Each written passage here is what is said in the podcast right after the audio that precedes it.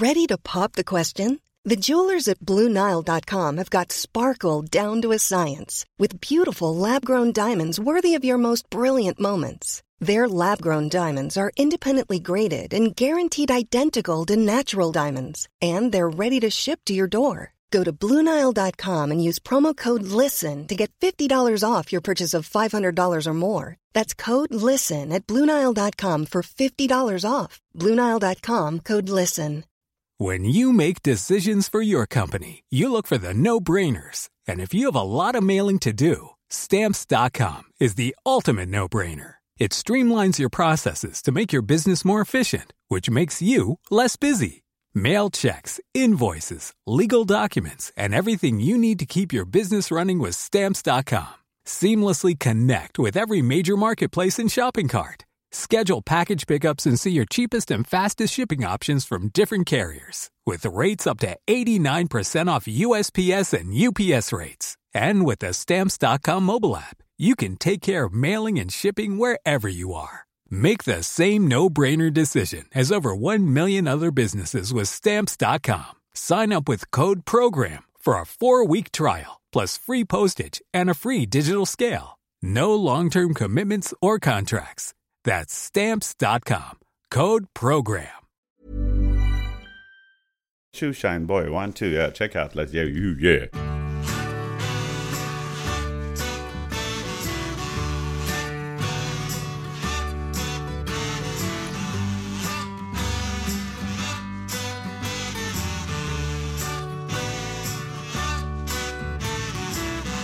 You say you don't wanna talk about it. Choking on it today, whether you like it or not. The words come stumbling out. The next stop's where I get off. Jag säger hej och välkomna till veckans samtal. Idag tillsammans med mig, Johan Ahlberg och musikern Göran Rudbo. Ja, Göran är ju en svensk musiker och grundade 1983 gruppen Triple and Touch tillsammans med Ken Wennerholm och Håkan Glente. Han tillsammans med gruppen har både hunnit med att turnera land och rike runt, medverkat i Melodifestivalen som såväl artist som programledare och nu senast arbetat för organisationen Star for Life. Vi pratar om musikbranschen, hur man ser på musik som hantverk, Görans uppväxt, Star for Life, politik och mycket, mycket mer. Så varsågoda, här har ni Göran Rudbo. The next stop's where I get off. Hur mår du Göran? Jag mår bra, därför att eh, snart är 2014 eh, klart liksom. Och det, det har varit ett väldigt, väldigt intensivt år med väldigt mycket jobb. Och nu, det senaste här bara igår och i förrgår satt jag och bokförde sådär. Tråkigt. Allting, och så, men då spelas hela året upp igen på något sätt. För då sitter man och går igenom, ja just det, då satt vi och, och ja, vi satt på East och käkade en middag med dem. Och, nej men på något sätt är det ganska kul. Ja. Gå igenom sina kvitton. Det är framförallt det här med Star for Life och det som vi kallar för Marching for Love nu. Så vi jobbar med ett, ett upprop för mångfald och tolerans bland ungdomar i Sverige framförallt. Och bygger upp en verksamhet kring det.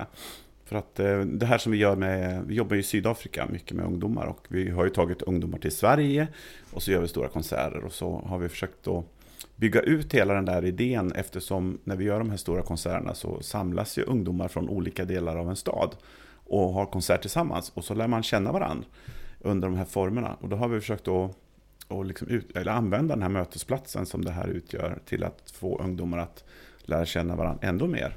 Och samtidigt får de då göra ett, ett projektarbete och skicka in till, eller projektarbete, de får lämna ett bidrag till en, en sajt som heter marchinforlove.se. Hur högt upp rankar du liksom ditt engagemang i Star for Life i din karriär? Alltså jag, 2004, 2003 någon gång när, när det kändes som att det började gå liksom på, i samma hjulspår hela tiden med eh, Triple and Touch då, då sa jag till Martina att det känns som att det är någonting stort som kommer att hända snart. Jaha, säger du det? Vad kan det vara? Jag har ingen aning. Och jag tror att det som hände sen 2005 och framåt när vi började jobba i Afrika, det, det var det som var det stora i mitt liv. Alltså jag kände att, att använda musik som ett verktyg för att göra någonting riktigt bra. Inte bara, bara underhålla. Underhållning är fantastiskt och det är väldigt viktigt tror jag för att en människa ska må bra. Så ska man känna att man har skoj i livet. Så absolut, men det här också, det blev en dimension extra som inte jag var riktigt beredd på. Ser du musik på ett annorlunda sätt idag jämfört med för några år sedan? Eller för liksom 10-20 år sedan? Mm. Alltså i grunden gör jag väl inte det, men eh, det som har hänt här har, har liksom berikat mitt liv på ett sätt. Alltså, jag tror att jag har fått så mycket tillbaka. Eh, om jag nu känner att jag har gett det vet jag inte, men jag har, jag har haft kul hela tiden. Så att jag har, det har man gjort på köpet, att ge folk liksom upplevelser och roliga eh, sammanhang. Eh, så känner jag att jag fått så mycket tillbaka nu. De här ungdomarna med sin kultur från Sydafrika, de har någonting som ligger djupt rotat tror jag i hela mänskligheten. Jag tror ju, jag tror ju på vetenskapen och att, att män, mänsklighetens vagga är från, från Afrika. Så jag tror någonstans i mina gener så har jag hittat hem igen. Förenkling, men, men om man säger så här, man pratar ju alltid om, om eh, om man säger rhythm and blues och popmusik och så. Det kommer ju egentligen från Afrika. Har man gått musikhögskolan som jag så har man ju blivit helt inpräntad och intutad att så är det. Man tog, forslade över slavar från 1600-talet och framåt eh, i några hundra år till, eh, ja, till Västindien och Nordamerika och eh, även Sydamerika. Eh, och sen så, så hände det någonting med musiken på vägen där som blandades med då den, de andra kulturerna. Alltså man ser europeer som flyttade till USA och så blandas allting och så kom det. Sen har det gått hela vägen runt liksom. Hur mycket betyder musik i ditt liv? Ja, det är inte allt, men det är nog väldigt viktigt. Och jag, faktum är att jag pratade om det häromdagen med någon att eh, Jo, vi pratar om föräldrars betydelse när det gäller att påverka sina barn att börja spela ett instrument. Och, och det, det, är två delar där. Det ena är liksom hur mycket ska man påverka sitt eget barn? Och den andra delen är eh, eh, hur mycket ska komma inifrån barnet självt. Och jag tror i mitt fall att jag hade nog inte börjat spela ett instrument om inte min mor hade pushat på mig så mycket. Och jag har haft så mycket glädje av det. Alltså trumpeten som jag spelar på, den kan jag spela på, men det är inte det som är min huvudmusikaliska syssla. Då. Men, men eh, den, den finns där och jag kan spela trumpet. Har du pushat på dina barn på något sätt? Faktiskt inte så mycket, men jag pratade med Martina, min fru, om det häromdagen. I samband med den här diskussionen. Då. Och då sa vi, men vi har ju ändå försökt. Liksom, för vi, Molly och Nicolina, kanske inte Petrus då, men Petrus spelade cello och sådär. Eh, och Molly och Nicky spelade, vi hade pianolärare hemma här, men alltså det var inte så att de gick in för att spela åtta timmar om dagen precis. Verkligen inte. The next stop's where I get off. Du, om vi skulle ta det lite från början här i alla fall. Mm. Du är från Sundsvall ju. Ja, Hur var det att eh, växa upp där? äh, det var kul.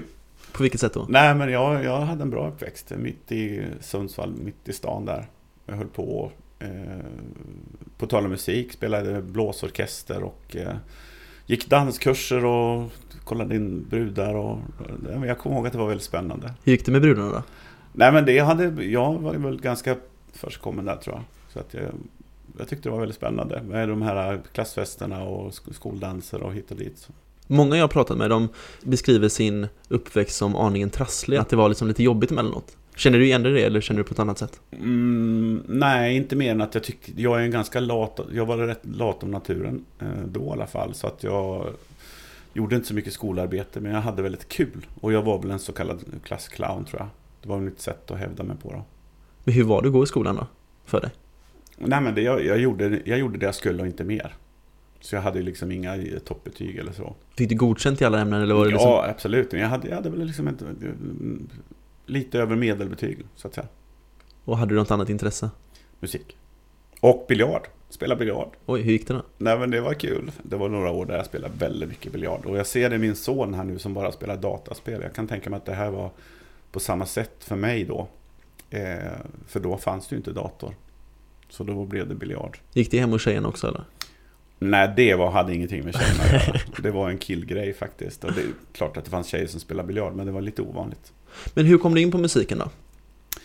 Jo, men det var som sagt min mor. Eh, det är klart grabben ska spela trumpet ungefär. Och så fick jag spela Oh Mine Papa på någon skoluppvisning redan när jag gick i fyran eller femman.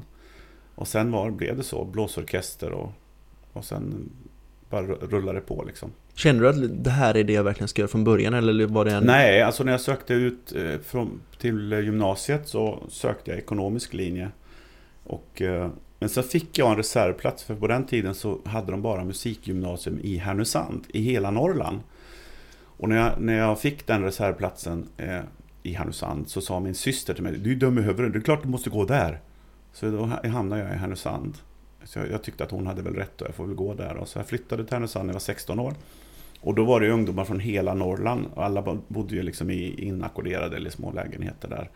Och det var en väldigt spännande tid. 16 år, flytta hemifrån, eh, musik tre år i Härnösand och ja, sen rullade det på. Där träffade jag en kille från Umeå som spelade i dansband och det här var ju alltså 1978 får du tänka på. Det var liksom på den tiden hade dansbanden en annan funktion. Det var ju liksom de konkurrerade med diskotek liksom. Så vi spelade modern dansmusik kallas det. Så det var Earth and Fire och det var liksom Tower of Hur, Power. hur ser modern, alltså det här är ju, går ju mig över huvudet. Alltså det fanns något som heter moget och eh, modernt. Eh, och spelar man moget då spelar man svensk toppsmusik. Och spelar man modernt så spelar man topphits liksom. Ungefär som de gör på Idol när de sjunger senaste hitsen på Idol liksom. Okej. Så man kan liksom sjunga typ Chandelier med Sia fast i dansband då? Ja, ungefär så. Okej. Mm. Okej, och hur kom du därifrån då? Från eh, Härnösand? Ja, jag gjorde lumpen i Boden och sen åkte jag till något som heter Up With People i USA ett år. Eh, och det var, det var väldigt Eller först spelade jag faktiskt på heltid med det här bandet eh, som hette Antarktis ifrån Umeå. Okej. Det här moderna dansbandet. Och sen sökte jag in till något som heter Up With People och det, var, det är ju en sån här ungdomsorganisation med ungdomar från hela världen som reser runt och sjunger och försöker lära sig om, om världen. Hur var det då? Det var väldigt spännande. Tänk dig själv 100 ungdomar i två långfärdsbussar som åker runt och gör föreställningar. Jag bodde i 95 värdfamiljer på ett år i norra, Nordamerika. Då. Oj. Jag var i Kanada och i USA i ett år. Har det gett dig någonting? Det, fick, det var en social träning utan dess nåd like kan man säga. Ja. Tänk dig själv till när du, när du kommer till familj nummer 66 och de ställer frågorna liksom Isn't Sweden very close to Russia? och så ska man berätta om eh, svenska demokratin och hur vi, ja, och så vidare. Ja. Mm. Men du var där under ett år? Mm. Okej. Och så blev jag tillsammans med en av tjejerna, en av danstjejerna där. Så att jag hamnade i Kalifornien över sommaren där efteråt och blev nästan kvar där. Men då kände jag, nu måste jag bestämma mig, hur ska jag göra? Ska jag stanna kvar här eller ska jag åka hem och gå på, eh, på högskola då? Och då gjorde jag det. Så Och vilket år var detta? 80, 80. 1980-81 så kom jag tillbaka hit och hamnade på västkusten. För då, då kom jag för sent för att söka skola. Så jag jobbade som musiklärare på Orust ett år. Och sen sökte jag på musikskolan och, och hamnade i Göteborg. Okej. Och sen 83 så startade du och Ken Triple Touch, eller? Ja, ungefär så. Håkan Glänte och Ken och jag hade pratat om att spela på gatan. Och, och skulle vi göra det, men jag var i Norge med ett band som heter Bad Brothers Band från Göteborg. Eh, med folk från Nynningen och Nationalteatern. Och när jag kom hem från det, det här var innan midsommar i juni, så står Håkan och Ken och spelar på gatan själv. Och så ser jag, liksom, och det här var på Avenyn, och jag ser att de har liksom flera hundra åskådare. Och de kör en låt och sen står de och dividerar med varandra om vad de ska köra sen. Men alla står tålmodigt kvar och väntar. Och så kör de en låt och så, ja, jag ser att de har, det finns en väldigt high attention på de här två killarna. Och det var ju de jag skulle spela med, så jag sa jag vill vara med nu. Ja men nu går det rätt bra, vi tjänar rätt bra pengar. Så ja, jag lyckades i alla fall snacka in mig där, så vi repade dagen efter hemma hos Håkan och sen gick ut på stan. Spelade på Kungsgatan och sen på Avenyn på kvällen och sen var det klart. För då, det jag tillförde då var att jag, som ni hör, är rätt tjötig. Så jag, jag, jag kunde prata mellan låtarna och binda ihop eh, så det blev som en liten showföreställning. Och sen var alltså de här två, Håkan och Kenny, otroligt duktiga på gitarr. Och, vi kompletterar varandra väldigt, väldigt bra. Fanns det liksom ställen i Göteborg som var mer eftertraktade som gatumusikanter än andra? Alltså var det liksom så att Avenyn där vill man stå för där är det mest folk? Ja, men Avenyn var ju det hippaste. För det var ju på kvällen och tänk dig själv. Och på den tiden så var ju gatumusiken så att, att eh, det förenade människor på ett skönt sätt. Alltså det var en väldigt skön stämning. Det har vi fått bekräftat nu från bland annat poliser som vi har träffat liksom många år senare. Att då när ni, inte bara vi utan alla, alla möjliga höll på att spela på Avenyn. Så, så gav det en väldigt lugnande effekt på stan. Liksom. Att, att folk samlades och hade trevligt kring musik. Och det var folk stod och spelade utanför SE-banken utanför Systembolaget där på, mitt på Avenyn. Och så var det liksom flera hundra som samlades där på kvällarna och lyssnade till musik. Ungefär som jag upplevt själv när man, man går in på en fadoklubb i, i Lissabon, liksom, att ungdomar sitter och lyssnar och, och liksom hänger med. Och, ja, det, det var en väldigt skön stämning. Många som jag pratar med, typ exempelvis min mamma, pappa och sådär, familj, som är lite äldre än, än vad jag är då. Mm. De kommer ju ihåg den här tiden väldigt väl. Mm. Eh, speciellt med tanke på att de växte upp i Göteborg då. Mm. Och ni, det känns som att ni var väldigt, väldigt uppskattade och det känns som inte de har liksom någonting negativt att säga om er i Triple and Touch. Känner ni er uppskattade? Absolut. Det var ju, vi, vi hade ju, alltså det var ju inte sådär eh, Nej men vi, vi, vi bara spred glädje tror jag. Och vi hade så fruktansvärt kul själva också.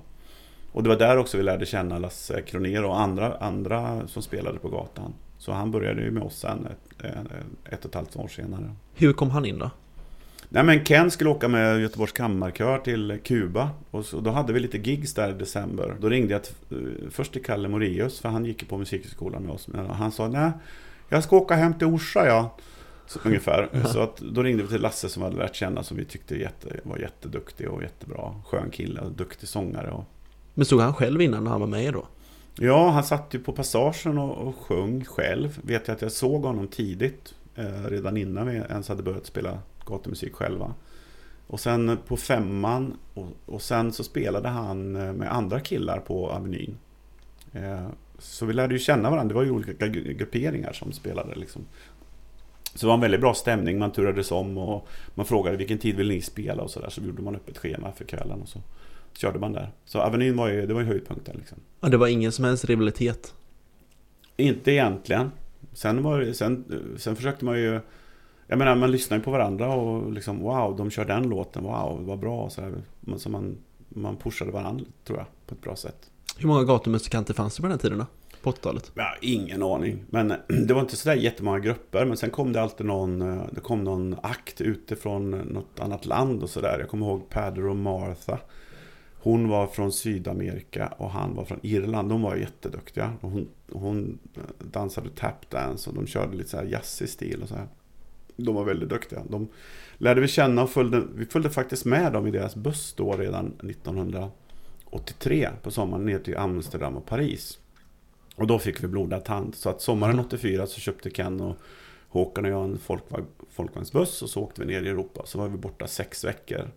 Och spelade alltså gatumusik hela sommaren nere i Europa. Vi, till och med skick, vi hann inte hem till skolstarten på Musikhögskolan utan skickade ett vykort till studierektorn och sa att vi kommer snart.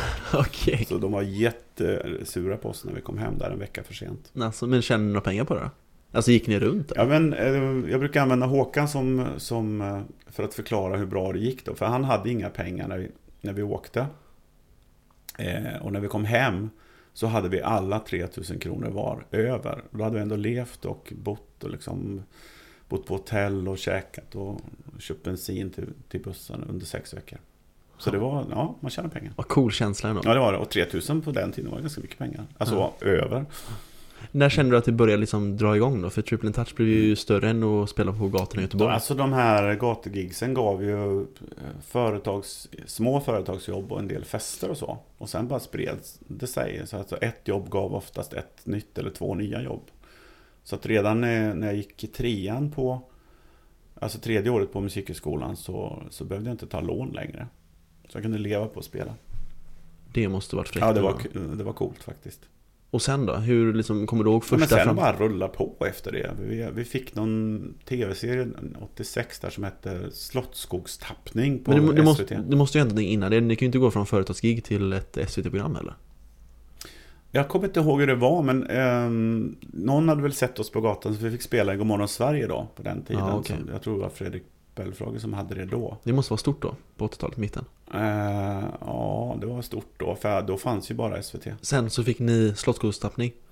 Ja, det var en serie, eh, ganska, inte sådär jättebra serie tror jag, men vi gjorde i alla fall ett stående inslag där varje vecka. Det, men det var en sån här underhållning för Göteborg. Hur var det då, att göra det? Ja men det var kul att vi fick det uppdraget och sen gjorde vi olika gigs och 1988, alltså vi gjorde olika andra tv-program och 88 fick vi vara med i Schlagerfestivalen. Hette det då, nu heter det väl Melodifestivalen. Exakt. Ehm, med Lotta Engberg då, 100%.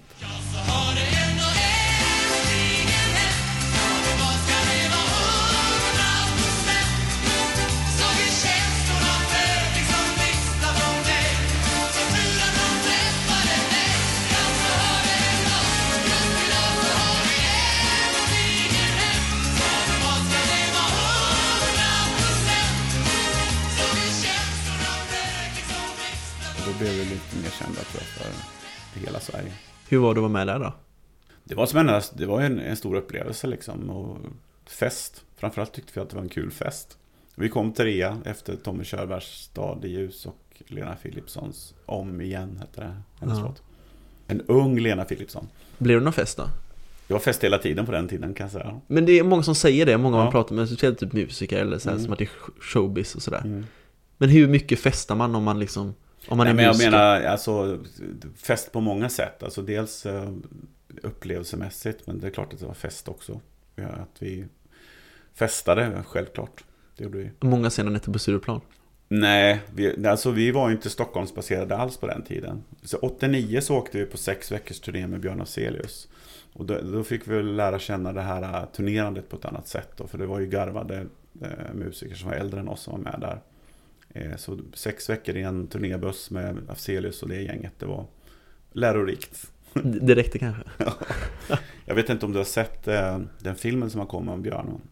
De, de fokuserar väldigt mycket på hans kvinnoaffärer och så. En fantastisk person. Jag har missat det. Björn. Ja, det är en film som har kommit nu Okej. om han.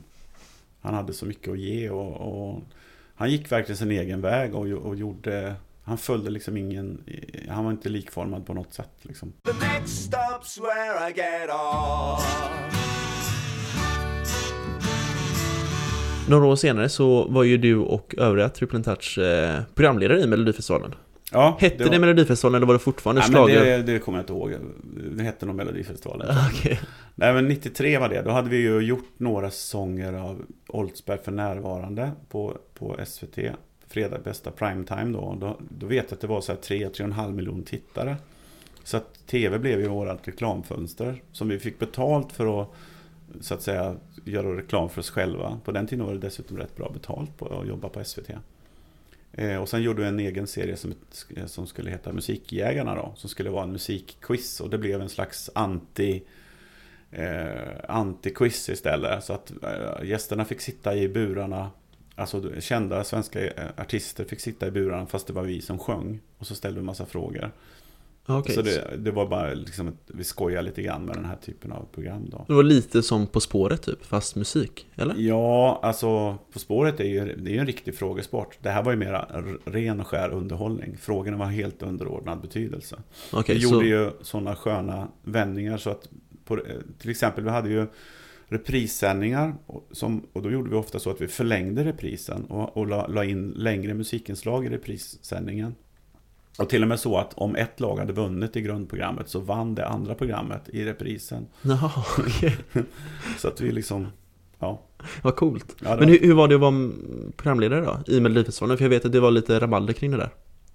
Ja, det som var rabalder var ju att det var bara några, ett fåtal människor som kände till att det skulle bli den första riktiga telefonomröstningen. Så att det, vi hade ju såna här jurygrupper runt om i landet som skulle rösta fram låtar. Och mitt i sändningen så tillkännager vi att nu gäller det här. Ni där hemma i stugorna ska få rösta fram så att rätt låt vinner. Och det här, det här kom som, som så plötsligt tror jag för de flesta så att alla blev jättesura. Eh, att vi ändrade reglerna så att säga, spelreglerna för själva programidén. Och det var inte jag och Ken och Lasse som, som gjorde det utan det var ju våra producenter som hade bestämt det här.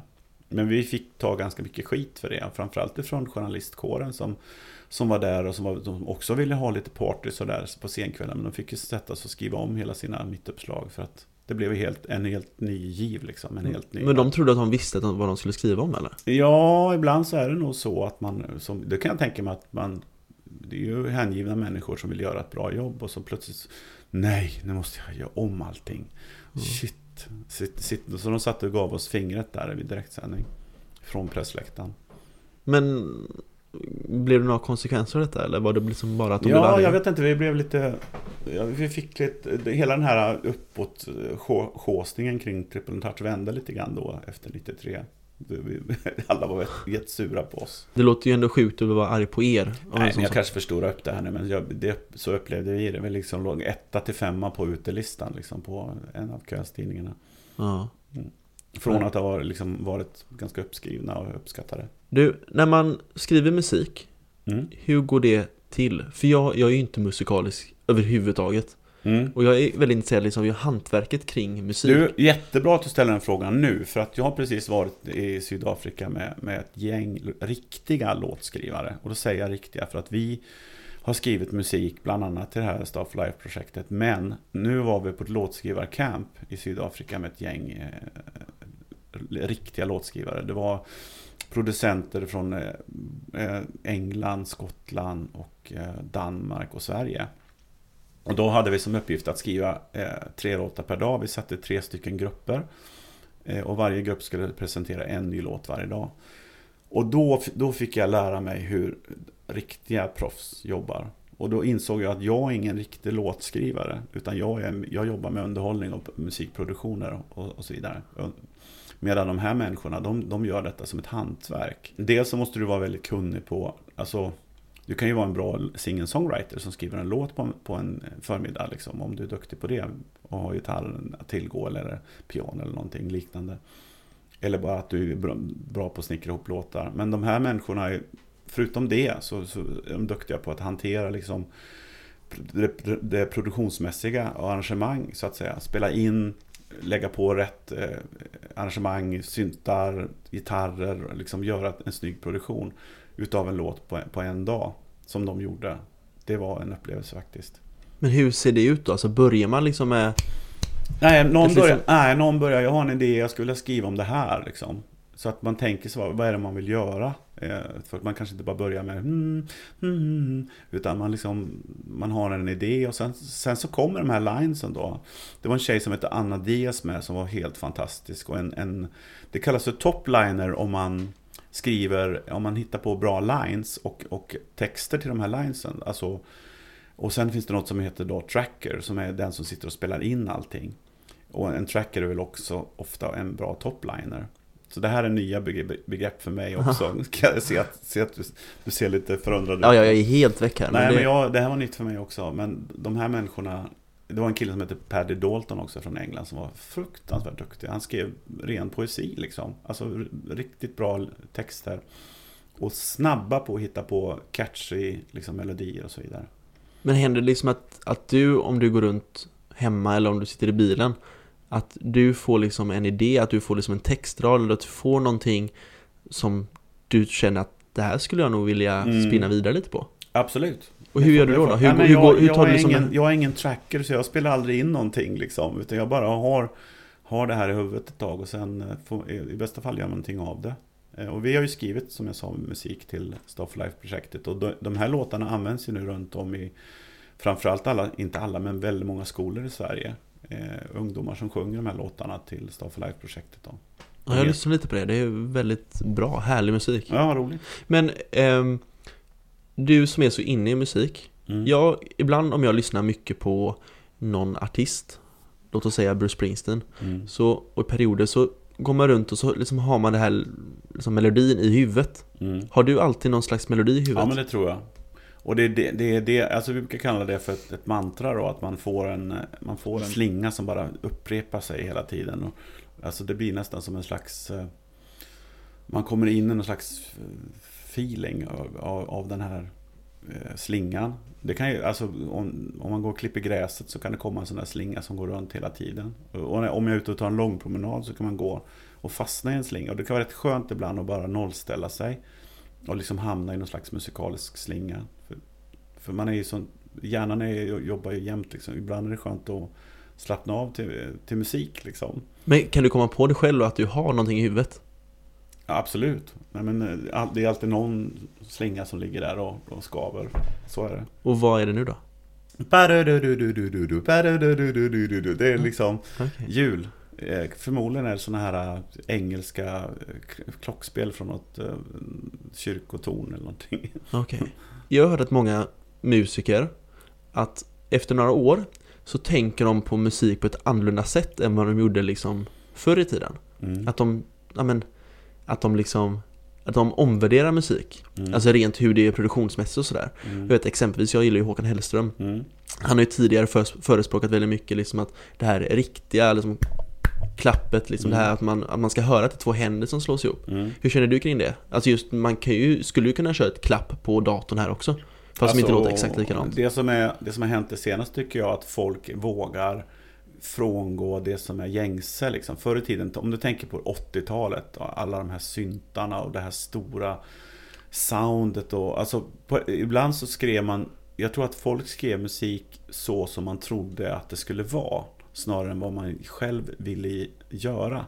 Om man jämför med en, med en, eh, en eh, konstnär som målar en tavla så målar man väl förhoppningsvis den tavlan som man vill måla just då. Och så tycker jag att musik borde skrivas också. Jag tycker Lale och andra i den genren, alltså som gör lite annorlunda och vågar spela in, alltså kanske bara göra en låt med ett fingerknäpp liksom. Alltså till exempel om man vill ha det som komp va? Så, så gör man det. Så att man inte måste, det måste inte vara liksom en trumset, det måste inte vara en bas och en, en keyboard och en gitarr och så vidare. Ett tag så skulle alla ha stråkar och ett tag så skulle alla ha stora syntar. Och, alltså, det- så det är olika tidsepoker tror jag. Idag så skriver man låtar, det kan vara liksom bara ett ett sånt komp och så sjunger man till det. Va? Ser du tillbaka på, om du lyssnar igenom, du kanske inte sitter dagligen och lyssnar igenom all din musik, men, eller er musik, men om, du, om jag slår på en låt här, får Mm. du liksom en tillbaka-flash då, som om det vore en dagbok som du sitter och Ja men bläddrar det tror jag. Alltså, tänk dig, sätt på den här Phil Collins från 80-talet och hör du direkt shit, det här är 80-tal. ja, Hur känns det då? När man tänker att det är 80-tal. Ja men ingen mer, alltså det är ändå... Nej men de här låtskrivarna nu, om, om jag då som är lite äldre än dem, som var med på det här campet då, om jag kunde komma med någon slinga ibland så, nej men, ah no, no that's old stuff, liksom tyckte de. Okej. de så att de, de lever ju någon slags nutida musik då, mer än vad jag gör tror jag. Det som är bra med oss är att vi är ganska bevandrade på mycket olika saker. Vi kan liksom göra musik från, alltså i olika stilar och sådär utan att skämmas. Men om man, nu är alla ni väldigt erfarna och sådär, men hur känns det att gå upp på en scen och liksom ha alla de här människorna framför sig och veta att de är här och lyssnar på Mm. oss? De står Jag- här för att lyssna Jag på... tror att det är lite det är ett livselixir för, för, för min egen del. Och även för Ken som jag fortfarande jobbar med hela tiden. Då. Eh, Vi tycker det är så himla kul.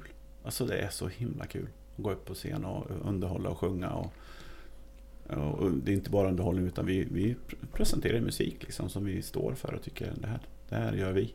Är du nervös någon när du går upp? Väldigt sällan. Faktiskt. Det, det är när man ska spela Ready to pop the question? The jewelers at BlueNile.com have got sparkle down to a science with beautiful lab grown diamonds worthy of your most brilliant moments. Their lab grown diamonds are independently graded and guaranteed identical to natural diamonds, and they're ready to ship to your door. Go to BlueNile.com and use promo code LISTEN to get $50 off your purchase of $500 or more. That's code LISTEN at BlueNile.com for $50 off. BlueNile.com code LISTEN. Hi, I'm Daniel, founder of Pretty Litter. Did you know cats tend to hide symptoms of sickness and pain? I learned this the hard way after losing my cat, Gingy. So I created Pretty Litter, a health monitoring litter that helps detect early signs of illness by changing colors, saving you money and potentially your cat's life. Pretty Litter is veterinarian developed, and it's the easiest way to keep tabs on your fur baby's health right at home. Go to prettylitter.com and use code ACAST for 20% off your first order and a free cat toy. Terms and conditions apply. See site for details. Hey, it's Paige DeSorbo from Giggly Squad. High quality fashion without the price tag. Say hello to Quince. I'm snagging high-end essentials like cozy cashmere sweaters, sleek leather jackets, fine jewelry, and so much more. With Quince being 50 to 80% less than similar brands. And they partner with factories that prioritize safe, ethical, and responsible manufacturing. I love that. Luxury quality within reach. Go to quince.com slash style to get free shipping and 365 day returns on your next order. Quince.com slash style. vackert på trumpeten i kyrkan, då kan jag bli nervös. För det är svårt, tycker jag. För att det är någon slags press eller vadå? Nej, men trumpet är, så, det är ungefär som en klarinett. Du kan liksom kixa så lätt va? Och, då, och då hörs det så väl om, det, om, det, om en ton inte sitter där liksom. Ja. Du har väl hört klarinett när det bara Jo, till absolut. ibland. Jo. Det vill man inte ska hända. Nej men det är alltså på något sätt, det ska ju lite, det är ju lite härligt också, eller? Ja, alltså med tiden så har vi lärt oss att bjuda på de skavanker som vi har. Liksom. Sen tror jag också att man blir bättre och bättre med åren. Alltså Eh, på, att, eh, på själva framställningen. Och det är det som jag tycker är så kul nu med ungdomar som kommer, att de har sån eget skönt uttryck, många från början redan. Så nu var ju Idolfinalen jag, äh, eh, igår på TV, och, och liksom, hur bra är inte de här tjejerna liksom? Redan nu. De är, hon Lisa och Molly, de är 16 och 18 år gamla, liksom sjunger som, som spett redan nu. Hur ser du på sådana tävlingar, typ som Idol? Nej, men jag, jag, det är klart att det kan vara bra för någon att komma fram den vägen. Vi jobbar mycket med Måns, Måns Zelmerlöw eh, i Star for Life eh, och på de, i de konserterna som vi gör. Och han var dessutom med på det här sångskrivarcampet i Afrika. Då. Han har ju kommit fram den vägen och, och han hade väl kanske inte varit lika känd idag om inte hade funnits eh, ett Idol hade funnits. Men sen tror jag det är viktigt att man vågar ta kommando för sitt eget eh, artisteri så att man inte låter, låter andra bestämma. Och det tror jag är viktigt för de här eh, tjejerna nu och killarna som kommer fram den vägen. Att, att, att de själv känner att de, de, måste liksom vara sin egen producent också. Ibland när jag sitter och kollar på Eller ibland, det låter som jag kollar på Idol varje kväll men, Eller varje fredag men Då och då har det hänt att jag sitter och zappar förbi Mm. Och jag känner ju din dotter Molly och jag, hon är ju verkligen fantastisk Och jag, jag sitter ju varje gång och tänker att Molly skulle ju mörda här Ja, Hon skulle vara hur det. grym som helst Ja. Hon skulle ju lätt gå till final skulle du råda henne till att söka till Idol? Nej, jag, Molly, nu pratar vi, nu blir det lite personligt här. Hon är, hon är ju en, en, en skör konstnärssjäl. Och jag vet inte, jag tror att man måste också, om man ska om man, ska ge sig- ge sig in i den leken så måste man tåla den. Och jag, jag är osäker på om hon skulle eh, orka med liksom alla som tycker saker. Liksom, eh, så jag vet inte. Det får hon nästan svara på själv. Men det är inte nästan så alltid när man liksom ger sig in i någonting? Jo, O- Oavsett om det är studier eller om det är musik eller vilken bransch som helst Absolut, absolut. Just nu så håller ju Molly på både kockar, alltså kockskola och sjunger. Och det tror jag passar henne väldigt bra, att hon har hittat en grej som hon, hon eh, tycker är skoj. Och hade hon tyckt att det var jätteskoj att vara med i Idol så hade hon varit det. Så att jag tror inte det är någon tillfällighet att hon inte har varit med där. Nej Om du själv skulle få gissa helt eller spekulera Hur långt Mm. tror du hon skulle kunna gå? För jag, alltså jag, jag tror verkligen att hon skulle Ja, men hon skulle, hon skulle nog kunna ta sig in ibland de här, är det åtta eller tio eller hur många är de som går vidare till själva Mm, något sånt där, ja. ja. Det tror jag nog. Men sen är det ju upp till, det är ju tittarna där hemma som avgör vilka som blir utrustade. The next stop's where I get off. Kommer du ihåg något sånt där gig som du bara så här När du blickar tillbaka så här, Det här var det bästa giget jag någonsin har gjort Ja, alltså, jag brukar ju prata lite grann om nutid oftast, vad det vi gör nu som stor, liksom, häftiga upplevelser. Men det är klart att det var kul att stå på Ullevi när det var eh, friidrotts-VM i, i, i Göteborg 1995. Och Ken och Lasse och jag går in och låtsas vara Pavarotti, Carreras och Domingo. Och, och det är 50 000 på Ullevi och det är väl 100 miljoner eller något sånt där som ser sändningen på TV. Då, då, då kändes det lite speciellt. Och då gjorde vi Roxettes Joyride så som de tre tenorerna skulle ha gjort den. I hit a road out of nowhere, I had to jump in my car. Och, och det var kul faktiskt. Och då, då annonserades vi som att vi var Pavarotti och Carreras Domingo också i sändningen. Så det var ju en typisk sån här Göteborgs eh, humor visst. liksom. Men hur, hur blickar du tillbaka på det liksom? Är det, är det liksom någon speciell känsla som liksom För ibland när jag men- kan tänka på saker då kan jag liksom rysa till så här när jag Ja, nej men jag tror att vi var, och vi var så inne i sånt flöde då också. Flow säger man idag. Så att vi, vi tänkte knappt på det. Det kändes helt naturligt. Ja, nu ska vi göra det här liksom. Och vi hade så bra gemensam fi, liksom, känsla. Så att det, det var inte så att man var nervös. Men det var en, en häftig upplevelse att stå där mitt på Ullevi och sjunga a cappella utan orkester eller någonting. Liksom. För, nu ska vi se vad det kan vara, nio år sedan Var ni husband i På spåret då?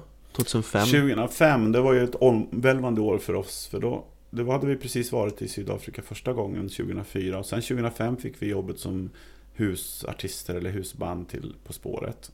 Samtidigt som vi skulle vara med och dra igång det här projektet i Afrika då, där vi jobbar i skolor med coach, att coacha ungdomar i, i utsatta områden där HIV-smittan då är som mest utbredd. Så att då blev ju det här med Eh, på spåret blev vi nästan sekundärt, men vi gjorde ändå det med, med hull och hår och gick in för det verkligen. Så vi jobbade stenhårt, eh, Håkan och Ken och jag, med att göra så bra musiknummer som vi bara kunde. Så vi la liksom tre veckor på att jobba in några riktigt, riktigt bra. Vi skulle göra 36 låtar där i 12 program. Eh, så att det var ganska mycket jobb där som, eh, som vi gjorde. Och sen så fick vi så bra uppmärksamhet för det där så vi gjorde, vi gjorde detta två år till också. Men samtidigt så åkte vi eh, skytteltrafik till Afrika fram och tillbaka. Så att det var ganska arbets... Samma år de här 2005, 6 och 7. Och sen så fick väl vi kicken där typ. tror jag. För då, då, då bytte man till, eh, man bytte programledare också i På spåret. Just det. Eh, Så att vad heter det, Christian Lok tog in Augustifamiljen då. Just det, de är ju fortfarande kvar där Ja, nu. Men hur var det att jobba med På spåret? Liksom produktion överlag? Ja, men det var ju, vi, alltså för oss var det ungefär som, vi har jobbat på SVT så mycket sen eh, 20 år innan. Alltså, så att det, var som en, en produktion för oss. Och det, det var inte vi som var programledare heller, det var ju, det var ju eh, Oldsberg helt enkelt. Så att vi, vi, vi presenterade låtarna och, och ställde lite musikfrågor. Helt enkelt. Jag kommer ihåg Det var nog 2005 då, för jag kände ju din Jag känner ju din eh, dotter Mm. och eh, vi kände varandra då också men jag, hade- Och jag hade träffat dig flera gånger men jag hade liksom ingen koll på att Du höll på med musik Nej. Och så kommer jag ihåg att jag satt och kollade på På spåret Mm. Och så såg jag dig där Jag blev förvånad. Jag blev, jätte, jag blev helt Så jag hörde av mig till Molly Mm. Eller smsade tror jag, så Mm. vad, vad gör din farsa på, varför är han Jag förstod ingenting Och du är den åldersgruppen också så att vi hade ju våran hype där på 90-talet och då var du ganska liten. Ja, exakt. Det var det jag ville komma in på lite. Liksom Mm. att hur, hur ser den skillnaden ut liksom från förr när folk, jag kan tänka mig kom fram eller de hörde av sig till dig jämt Mm. nu? För nu, alltså mina föräldrar och alla där runt omkring, de Mm. vet ju precis vilka ni är. Nej men jag, jag mår rätt bra av att inte, för det var, vi var ganska påpassade där ett tag liksom. Men, och nu har jag blivit mera mogen man och jag, jag känner inte att jag måste bli bekräftad hela tiden. Eh, och jag träffar ju folk än idag som säger att ja, hur känns det nu när ni inte, de tror att det går dåligt för oss. Men det, jag har ju gått vidare i livet och gör liksom andra saker som jag tycker är eh, är viktiga. Så att jag, jag, mår, jag mår liksom bra ändå. Jag måste inte vara på tv. Alltså folk tror att det här var på tv, det är att vara ly- lyckligast i världen. Men så, det stämmer ju inte. Nej. Hur ser bekräftelsebehovet ut för en musiker? Ja, men det är klart, alla, jag tror alla människor, vad man än gör, vill bli bekräftade. Att man, att man gör någonting bra, att man ja, är uppskattad. Så det, är, det är inte konstigare än så.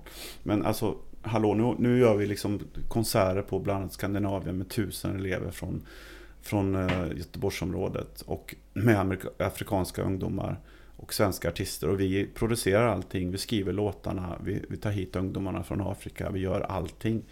Jag blir bekräftad hela tiden och ser att det här fungerar. Men skulle det kännas konstigt om du inte fick den här bekräftelsen tror du? Ja, då skulle jag nog eh, söka bekräftelse på andra sätt då. Men eh, idag så, jag har också märkt att en sak som är väldigt viktigt, det är att vara snäll och, och, och göra sitt bästa och ge så mycket man kan till andra människor. Hur stor är ödmjukheten i det? Men jag tror att det är väldigt viktigt att känna att, att man behövs liksom, och att man kan bidra i ett samhälle. Och, i sin vänkrets. Och att, man, att man inte bara kör sitt race och liksom skiter i andra. Har du fått stå ut med mycket skit genom åren? Nej. Det är inte, nej, vi har, vi har liksom hållit oss väldigt mycket på våran kant liksom. Jag märkte det, jag var på ett event i Stockholm nu för två veckor sedan. Eh, och de som var där, ett, ett sånt här lite kändisevent då. Då märkte jag att alla visste ju vem jag var. Så att eh, det finns nog där i folks medvetande. Och det var också bekräftande på ett sätt. Och då insåg jag också att om vi hade varit i Stockholm mer så kanske saker och ting hade sett lite annorlunda ut. Men vi har hållit oss på våran kant här i Göteborg och gjort våra grejer. Liksom. Kan det inte vara skönt att vara lite distanserad också på något sätt? Jo. Allting händer ju nästan i Stockholm. Känns det som. Nu Ja. kanske det är lite svepande men Nej, det, det, stämmer nog. Det kan vara rätt skönt att vara på sin kant. Och idag så tror jag inte det spelar någon större roll vart du bor. Jag menar, du kan göra det gällande ändå. Liksom. Men eh, det är klart att storstäderna drar till sig mycket mer händelser. Och eh, om du bor i Svappavaara så kanske du inte kommer ut på så mycket grejer. nej. Någonting som vi gärna återknyter lite till, det är att när du började med musik, då kan jag tänk, tänka mig att man var ganska beroende av andra folk, att man liksom ville ha, kanske ha ett skivkontrakt eller du liksom blir signad eller vad det nu Mm. var. Mm. Men idag så kan du det här är ett jättebra exempel på det, att vi sitter här och pratar Mm. med två mickar och jag kan publicera det här Mm. hur jag vill och jag kan klippa det hur jag Ja, vill. det är ju underbart idag, det som händer. Det är bara fantastiskt. Ja, Och, men- och att man inte behöver finna sig i det gängse längre, utan man, man kan slå sig fram på olika sätt, som, som du gör med den här podcasten. Och det är ju en jätte, ett jättebra initiativ och du får, din, du får också ett forum för det du gör. Liksom utan att behöva inordna dig i några, några speciella former. Du ser det som bara positivt eller? kan- Absolut. Ja, okej. Det är en upp, liksom, luften är fri på något sätt. Va? Det här du sa om skivkontrakt, det, det, det kanske är så idag också för, för vissa, men andra de struntar ju fullständigt där med skivkontrakt. De, de liksom publicerar sig på, på YouTube helt enkelt, eller andra så, medier då, och kommer fram den vägen. Hur ser den på den ekonomiska delen då? Jag tycker det är synd att, att eh, vissa Eh, professioner inte ska kunna belönas på samma sätt som andra. Jag menar, har du skrivit någonting, det här med fildelning är ju faktiskt lite corny, tycker jag. Det är klart att man ska dela saker och det, det är väl jättebra att det delas men det borde ju, någon liten procent borde ju kunna gå tillbaka till den som har skrivit grejerna. Samtidigt så är det ju som det är med det. Det är på gott och ont. Ja men innebär inte det att, att musiker förmodligen blir tvungna att åka ut och gigga också? För man vill ju fortfarande se Mm. musiker live, det är ju Mm. bäst live. Mm. Innebär det inte att de måste ut på vägarna? Jo men det är väl, det, är inte det rätt bra? Jo, jag menar det. Ja, det måste det- ju vara fantastiskt. Det passar oss väldigt bra som alltid har gjort oss gällande live. Vi, vi spelas ju inte direkt på radion. Eller i andra medier. Vi är ju en, li- en livegrupp Ja, men, ja, men som ju, spelar live. Ja, liksom. men det är ju härligt ju. Mm, Musik ska upplevas live. absolut. Vilken är den bästa konserten du har gått på? Som jag har gått på? Mm. Ja men det måste nog... Det måste ju vara Earth and Fire tror jag. När jag var mycket yngre. Och fick uppleva liksom... Då på den tiden Maurice White fortfarande sjöng också. Han har ju...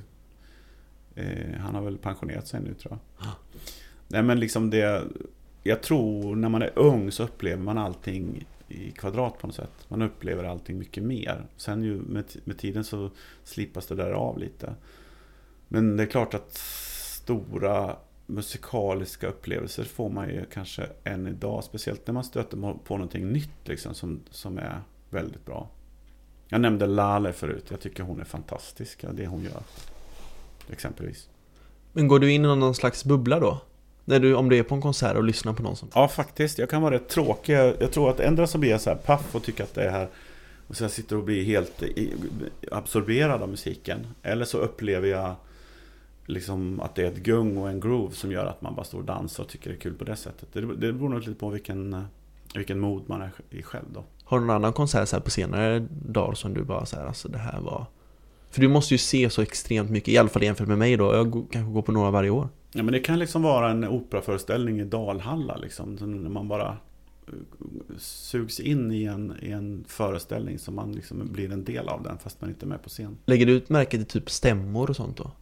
Ja, jag tror jag lyssnar på musik på ett eh, lite väl, alltså eh, professionen gör att man lyssnar på musik på ett annat sätt, tror jag. Så jag lägger nog märke till stämmor, ja. Jag tror att om man inte är lika musikaliskt bevandrad så upplever man kanske musiken mera eh, som den verkligen är. Alltså som, jag brukar ibland eh, säga att, att, att när man hör musik så ser jag en, eh, en tavla. Alltså man, man känner en slags helhet. Och då, då tycker jag man eh, upplever musiken bäst när man bara upplever den som den är och inte börjar analysera för mycket. Men kan du, om du ser en tavla framför dig, ser du också delar av tavlan som inte är målade exempelvis? Förstår du hur jag menar? Ja, jag tror det. Liksom, en tavla innehåller ju också skuggor och liksom schatteringar av olika slag. Som man liksom, Jag kan ibland känna att när jag sitter och pratar med gäster mm. att, det, att tiden bara liksom går förbi. Mm. Alltså nu har vi suttit här ett ganska bra tag och det känns som att vi suttit i fem minuter. Ja. Att den bara går liksom jättefort. Jag känner också, jag älskar ju Bruce Springsteen. Mm. Eh, och hans kon- konserter är ofta ganska långa. Mm. Men det känns som att den är över så snabbt för att man man är liksom, det är ju, alltså jag vet inte hur jag ska förklara det. Det är som en alltså minneslucka fast ingen minneslucka för att det har varit en upplevelse.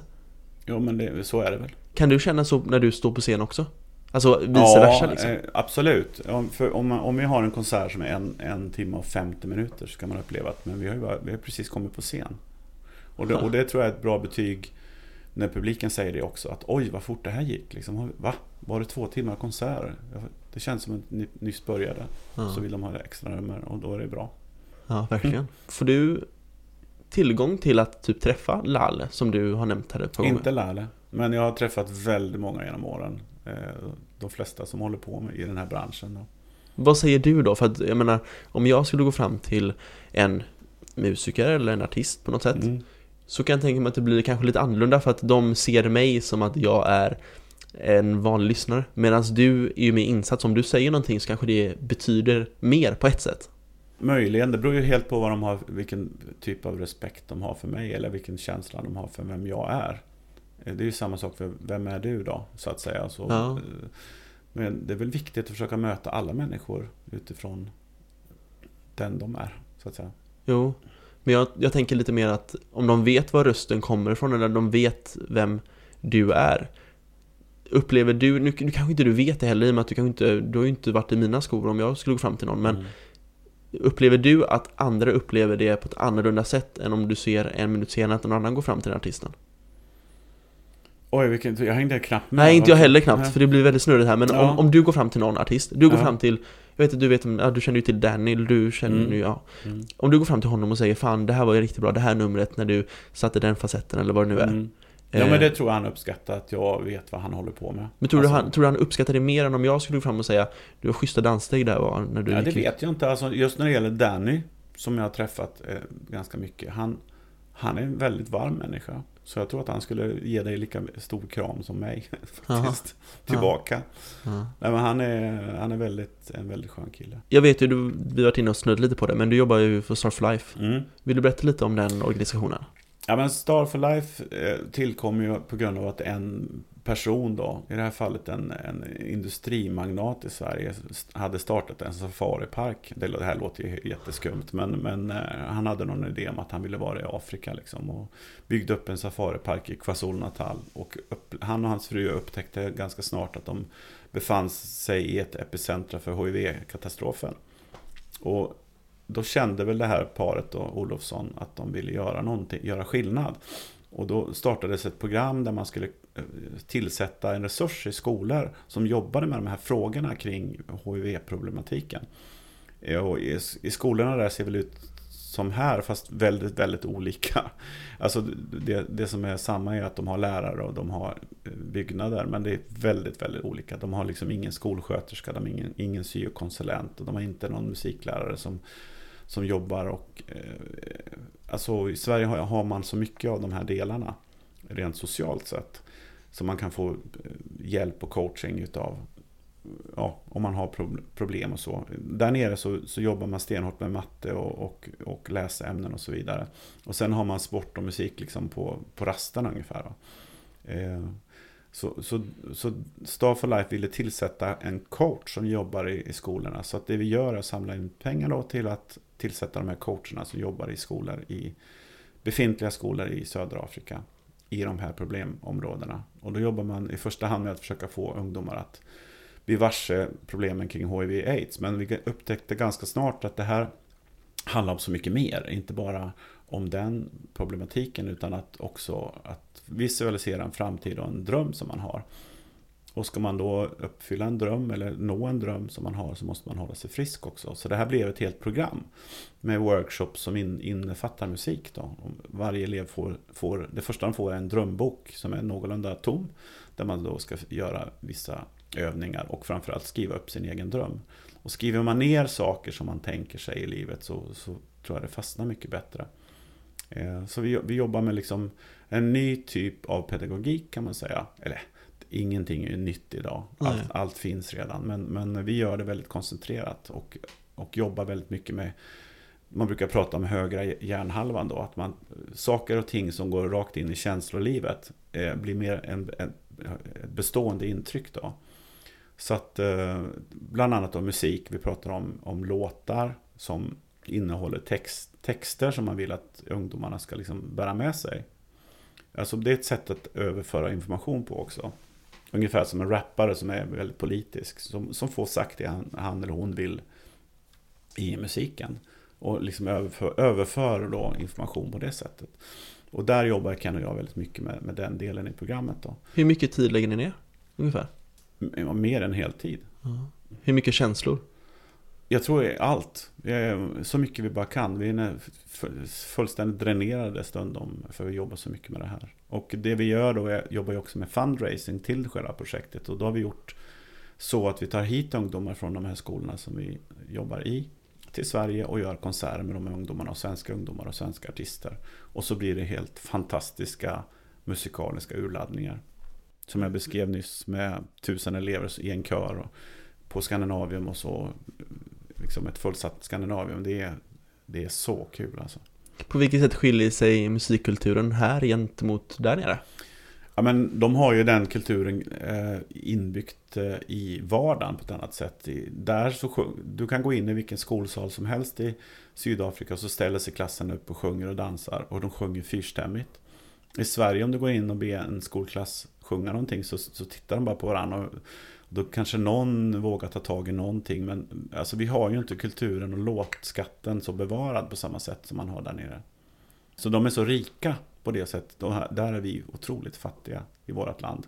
Ser du mycket politik i eh, musiken också? Speciellt då med tanke på att du åker ju, eller du är ju där nere emellanåt vet jag. Mm. Och här. Mm. Ser du liksom kulturella skillnader, politiska skillnader som du kan koppla till musiken? Mm, inte direkt poli- Alltså musiken är ganska fristående politiken där nere. Men blir den verkligen det då? Om man tar in liksom olika, alltså om du vill ha budskap och du pratar om att det är rikt och fattigt, de är rika på musik. Nej, men liksom. nu, nu pratar jag om kulturarvet då. Okej. Det, om man säger traditionella liksom, låtar. Eh, KwaZulu-Natal där vi håller till oftast då. Där, det är Zulu-kulturen är ju så djupt rotad. Och, det är, och tittar man på Zulu-språket bara som ett språk med alla dessa klick, klickljud och så vidare. Så, så har det funnits, det språket har funnits så otroligt länge. Jämfört med den indoeuropeiska som, vi, som härstammar svenskan och engelskan och tyskan och allting. Det är så pass unga och nya språk. Ja. Och det är samma med musiken. Den är så djupt rotad och den har funnits så o, o, oändligt länge. Eh, så att de har en helt annan eh, ett annat djup i kulturen. Så att alla kan liksom, för att jämföra då, de, om, säg att de, har, de kan tusen låtar där nere så kan man tre låtar i Sverige. Ungefär den dimensionen. Det här är ju jättecoolt ju. Mm. Hur tar ni det här vidare då? För ni har hållit på här nu hela hösten vet jag. Och, Ja, just nu har vi ett, pro- ett projekt som vi kallar för uh, Marching for Love. Som, som är, vi fick lite extra anslag där via Alltså det finns ju något som heter Postkodlotteriet i Sverige och de är ju lite bespottade på alla möjliga sätt. Men de gör också bra saker tycker jag. För de, de delar ut en miljard till bra, till bra saker eh, ifrån sin verksamhet. Eh, och det finns inget annat svenskt företag som, gör, som delar ut så mycket pengar. Av förklarliga skäl då, de jobbar ju med, det är ju det, hela deras idé då. Eh, precis som Unicef, Rädda, Röda Korset, Rädda Barnen och så vidare så får Staff for Life pengar utav Staff, Eh, eh, Postkodlotteriet. Men vi har också sökt extra pengar för vår verksamhet. Och då har de något som heter Kulturstiftelsen där, Postkodlotteriet eh, Kulturstiftelse. Och vi har fått pengar på ett upprop via Margot Wallström. Och för att då iscensätta mötesplatser för ungdomar. Där vi jobbar med mångfald och tolerans som, en, som ett moment. Då. Så att, det, så att nu använder vi våra så, så kallade afrikanska konserter till att få svenska ungdomar att lära känna varandra. Det var lite intressant där för att jag kommer ihåg att du var med i Är det Postkod Miljonären och Lotteriet eller är det Lotteriet Det två? heter ju Postkodmiljonären. Ja, det jag kommer jag kommer ihåg att du var med där Ja. och att det blev massa rubriker för att det var Nej, någon... men jag kom ju upp till 350 000. Jag hade bara två frågor kvar till miljonen. Och då kom det en liten, jag skulle vilja kalla det slamkrypare. För det kom en fråga där som jag stöp på. Och då rätt svar skulle vara Sri Lanka. Eh, Men, men det, nu pratade man om 1960 och då fanns det inget Sri Lanka. Det var, då hette det Ceylon på den tiden. Så jag blev lite så här historiskt eh, lost där.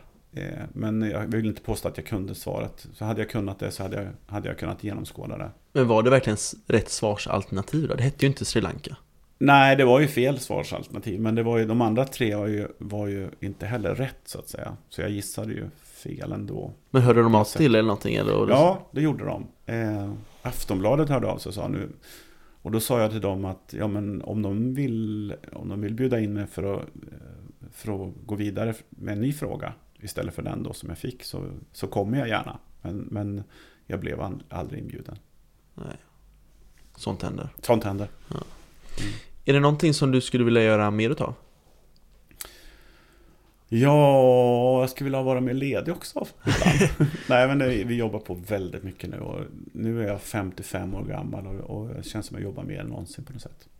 Kommer lite julledigt här snart så du... Ja, jag ser fram emot det. Två veckor kvar, sen ska vi bara stänga av. Jag ska åka upp till Norrland och hälsa på föräldrarna och ta med min egen familj till min första familj så att säga. Mm. Men blir det mycket jobb generellt sett runt jul och nyår eller? Alltså genom åren nu? Alltså, man brukar ju säga att julperioden har, det är högsäsong för liksom artister och musiker och det har, så har det varit för oss. Vi har alltid gjort stora turnéer. Vi- Fem år i rad gjorde vi nordiska konserter med Sissel Kyrkjebø och vi har gjort massa julkrogshower och jul, andra julturnéer i Sverige med Orsa Spelmän och eh, ja, you name it. Pernilla Wolgen och allt vad det är. Hit och dit. Så, eh, just nu har, har vi turnerat så mycket på annat sätt i höst. Så att vi har en ganska lugn julperiod. Vi jobbar lite företagsjobb och lite konserter. Skönt. Mm. Är det någonting som jag inte har tagit upp med dig som du trodde jag ville prata med dig om? Jag tycker väl att det senaste nu som har hänt i riksdagen här med nyval, utrop och allt vad det är. Att de, de borde lära sig att samarbeta istället för att hålla på och köra blame game. Hur mycket engagerar du dig i politiken? Nej, Men jag tror att med tiden så blir man mer och mer engagerad utifrån någon slags erfarenhetsperspektiv. Och, eh, men jag tror att jag vill inte påstå att ungdomar är mindre engagerade än vad jag är, men jag tycker att man kan se med tiden att, att prestigen inte borde vara så, så hög som den är ju äldre man blir.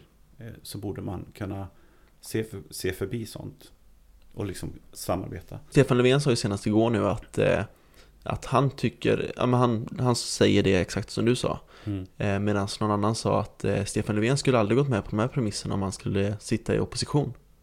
Nej, och det, det stämmer nog. Men jag tror att alla är lika stora kålsupare där. Jag tror att alla behöver se förbi sin egen prestige och samarbeta. Jag säger inte ens vilket block jag liksom håller på i det här läget. Jag bara tycker att kom igen nu, skärp er. Hur tror du det kommer bli då? Ja, det blir väl det blir väl omstart. Eller så ritas hela den politiska kartan om då efter mars. Vad vet jag. Det är kanske något eller ett par partier som åker ut ur riksdagen och kommer in ett nytt. Fi kanske kommer upp, vem vet. Liksom, och, det, det är kanske bara bra som, att det rör om då. Men återigen, samarbeta för 17. Det är liksom det som gäller. Bara inom svensk politik eller tänker du rent eh, allmänt också i världspolitiken? Allmänt, absolut, allmänt. Jag tycker nog att vi borde satsa på ett eh, Förenta Nationerna som ett FN som liksom är det, eh, den mötesplatsen där alla kan mötas istället för att vi ska ha, jag menar det här med USA-blocket och så har vi EU-blocket och så har vi då Asien-blocket och Kina och så vidare, blocket. Och det är så många block. Man ska ha, skapa mötesplatser där alla eh, har lika, allas röst väger lika tyngt, tungt tycker jag. Har din, nu, jag tycker ju för om politik väldigt mycket, jag tycker det är väldigt kul, men har din politiska åsikt eller tankar ändrat sig genom åren? På något sätt? För jag har, jag har ju mina egna nu, som, Mm. jag, som jag tänker, och jag tänker att jag kommer, jag kommer nog hålla kvar vid dessa. Jag Tror- tror att man blir kvar där man är. Sen har jag, sen har jag märkt nu, jag, jag, som har levt så länge då, att, att man är kanske mer vänster när man är ung och höger när man börjar få det bättre. Och det tycker jag är någon slags dubbelmoral. Eh, att så fort man börjar få det bra själv så, vill man, så värnar man om det. Och jag tror att det är viktigt att alltid dela med sig av sig själv och sin, sina erfarenheter och sin rikedom till andra. Det var någon jag pratade med som sa något väldigt klokt tycker jag. Som sa, hen sa, ehm, ja, då är frågan vad man ska rösta på, vad som är bäst för samhället eller för sig själv. Ja, visst. Och det är väldigt, för att om hälften röstar på det som, som är bra för en själv och hälften röstar på det som är bra för samhället. Mm. Kanske valresultatet skulle bli skevt. Jag förstår du hur jag tänker? Ja, nej, men det, det är nog så. Jag tror att eh, man behöver se förbi sig själv ibland. Och liksom rösta på mänskligheten. Mm. Du Göran, tusen tack för att du tog dig tiden till mig. Mm, tack så du ha. Jättekul.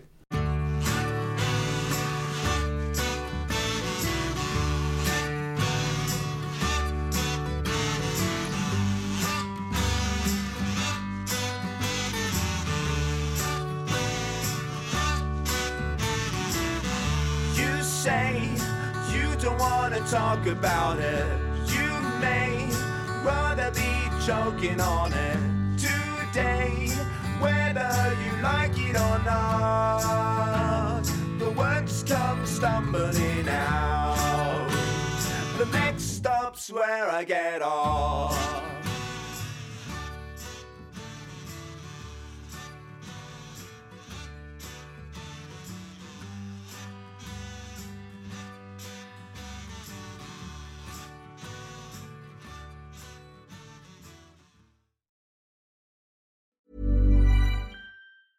A lot can happen in three years, like a chatbot may be your new best friend. But what won't change? Needing health insurance. United Healthcare Tri Term Medical Plans, underwritten by Golden Rule Insurance Company, offer flexible, budget friendly coverage that lasts nearly three years in some states. Learn more at uh1.com. Planning for your next trip? Elevate your travel style with Quince. Quince has all the jet setting essentials you'll want for your next getaway, like European linen, premium luggage options, buttery soft Italian leather bags, and so much more. And it's all priced at 50 to 80% less than similar brands. Plus, Quince only works with factories that use safe and ethical manufacturing practices. Pack your bags with high-quality essentials you'll be wearing for vacations to come with Quince. Go to quince.com slash trip for free shipping and 365-day returns.